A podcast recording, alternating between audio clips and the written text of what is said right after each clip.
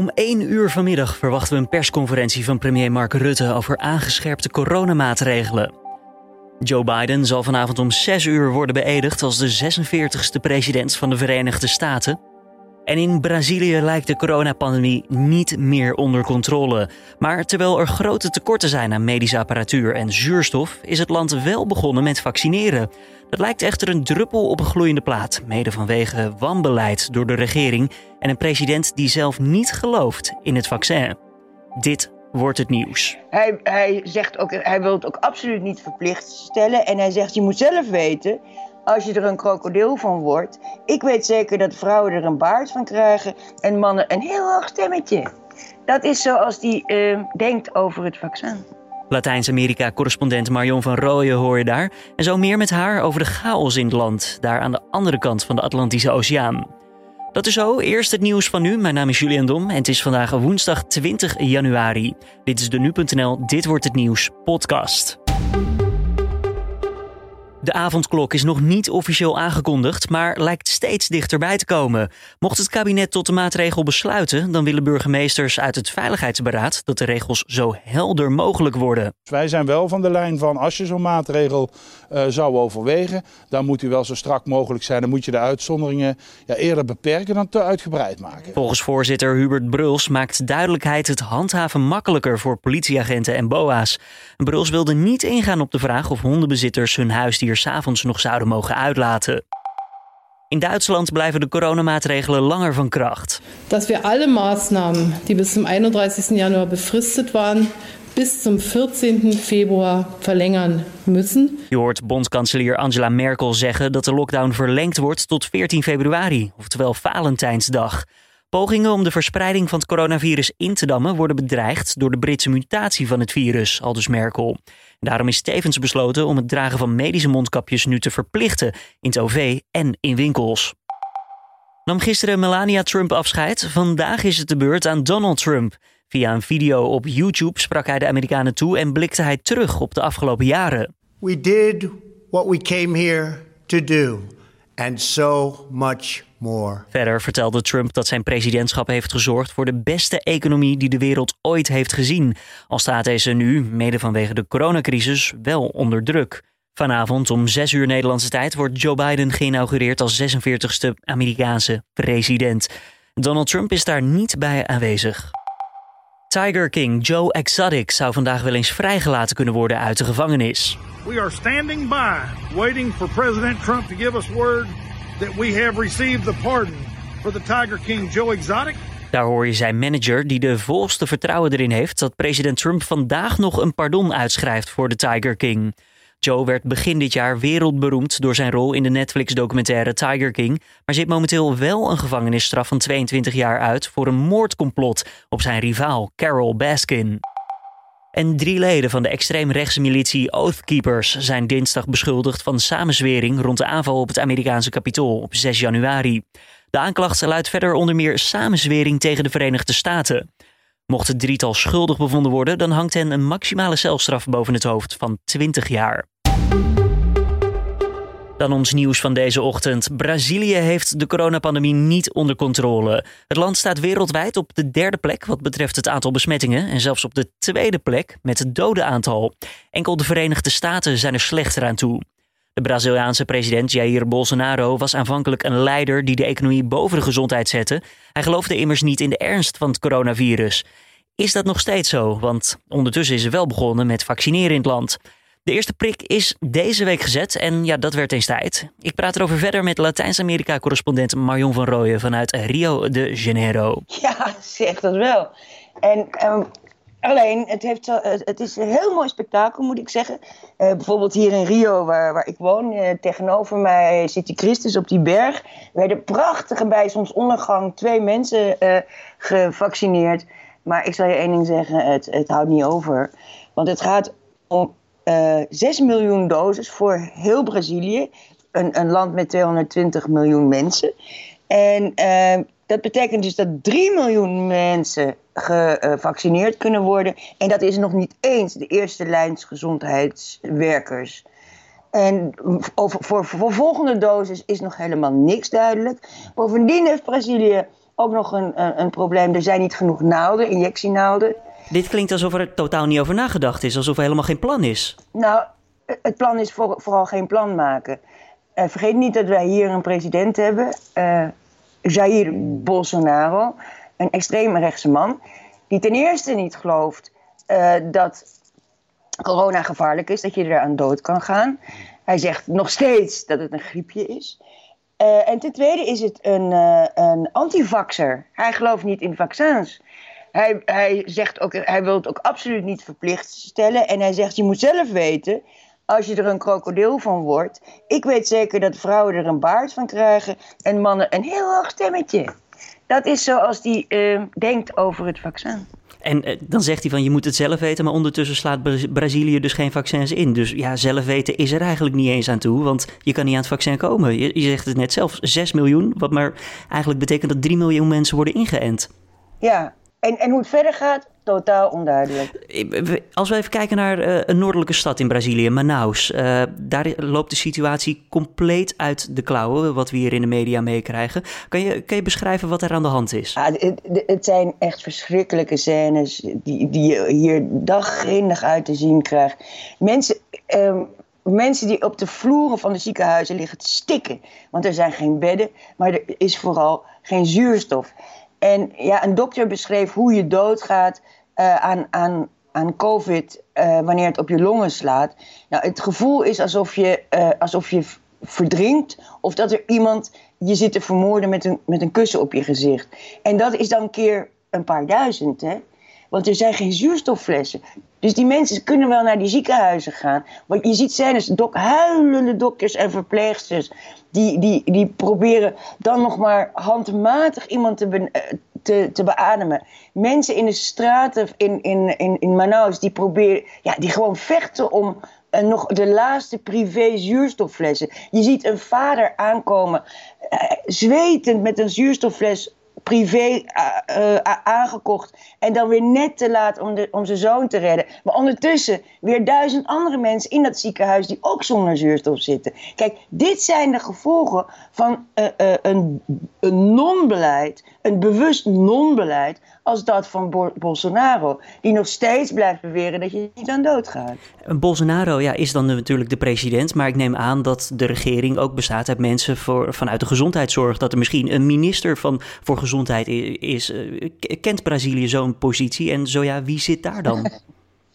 ja, nou ja, de eerste, de eerste twee ministers van Volksgezondheid, die echt verstand hadden van volksgezondheid bovendien, uh, die zijn eruit getrapt. Sinds acht maanden zit er een generaal gespecialiseerd in uh, troepenverplaatsing. Dus je zou zeggen, hij zal wel kunnen zorgen dat er spullen op tijd ergens komen. Maar het is een soort ongewerveld weekdier. Uh, die totaal in de zak zit van, van Bolsonaro. En precies doet wat Bolsonaro zegt. Dus eigenlijk bewust meedoet met het veroorzaken van de chaos.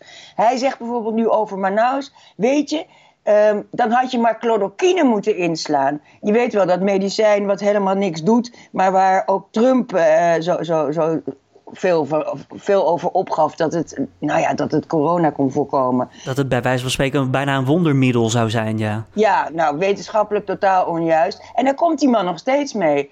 Terwijl ik je net de scènes beschrijf hoe die mensen liggen te, te creperen, te stikken. Heeft, heeft de president of een van zijn ministers de stad zelf al bezocht om te bekijken hoe de situatie daar ter plekke is? Uh, oh, oh, ja, dat weekdier heeft, uh, heeft de, het, bezocht en heeft toen gezegd uh, dat het absoluut zijn fout niet is. En nu kom, is, is gewoon heel duidelijk dat uh, het weekdier, sorry dat ik hem zo noem, want het is echt verschrikkelijk wat zo'n man op zijn geweten heeft. Um, die zegt nu, nu blijkt dat hij al twee weken van tevoren op de hoogte was en er niets aan heeft gedaan om te zorgen dat daar zuurstofflessen komen. Wat doet de oppositie nu ze dit zo allemaal horen, zien? Uh, kunnen zij iets? Nou, laten we zeggen, wij slaan, de, de mensen slaan nu elke keer, elke avond weer op potten en pannen.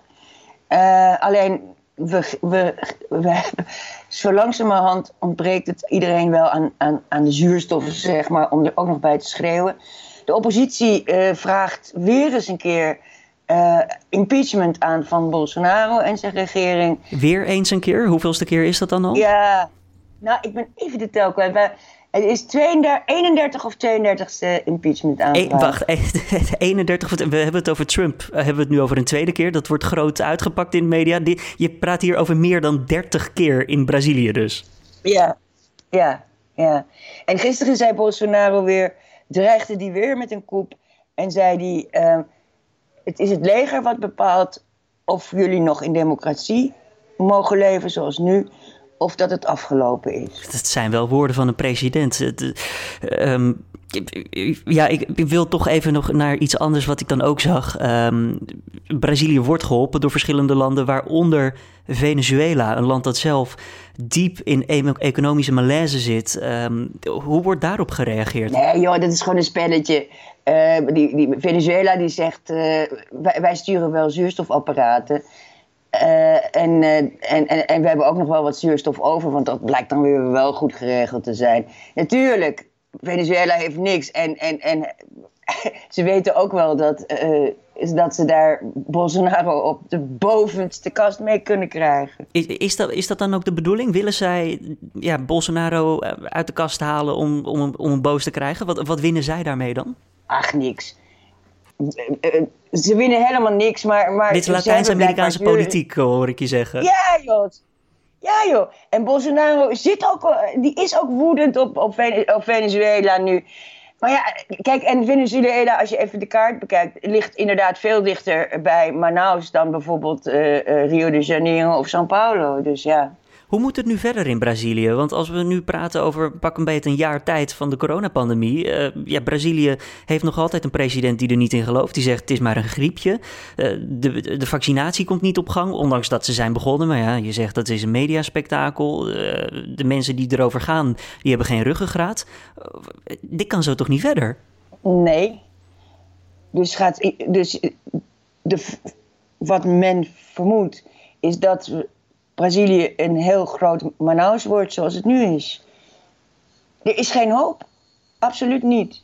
Voor 200 miljoen mensen plus. Ja, en, er- en er zijn al 210.000 mensen dood. Ja, Brazilië staat op de, als ik het goed Tweede heb, op de plaats. tweede plek wereldwijd gezien van het aantal doden. En heeft dus een president die eigenlijk opzij kijkt. Ja, bewust opzij kijkt. Want, kijk, neem een, klein voorbeeld. São Paulo. Want het, het coronavaccin wat nu gebruikt wordt, dat heet coronavac en dat is in China gemaakt. De grote tegenstander van Bolsonaro is de gouverneur van São Paulo. Dat vaccin is ontwikkeld samen met een overheidsinstituut in São Paulo. Die heeft de wetenschap geleverd, zeg maar. De productie is in China. Bo- Bolsonaro heeft dat vaccin eindeloos tegengehouden en ook de ontwikkeling daarvan, omdat de gouverneur van São Paulo zijn politieke tegenstander is, om geen enkele andere reden. En zegt: wij, wij, wij willen geen vaccins uit China. Dus dat is. Kijk, wij, wij hebben hier een regering waar dat soort argumenten zwaarder wegen dan hoeveel mensenlevens dan ook. Ja, wat voor toekomst kan je dan verwachten? Dankjewel voor je tijd en toelichting. Latijns-Amerika-correspondent Marion van Rooyen hoorde je vanuit Rio de Janeiro. Dan nog eventjes verder de agenda voor deze woensdag. Premier Mark Rutte en minister Hugo de Jonge van Volksgezondheid... die geven naar verwachting om 1 uur vanmiddag... een persconferentie over extra coronamaatregelen. En daar wordt mogelijk ook meer duidelijk over die avondklok... waar het zoveel de laatste tijd over gaat. Joe Biden die wordt dan vanavond om 6 uur Nederlandse tijd beëdigd als de 46e president van de Verenigde Staten. De plechtigheden rond de machtsoverdracht hebben dit jaar vanwege de coronacrisis een sober karakter.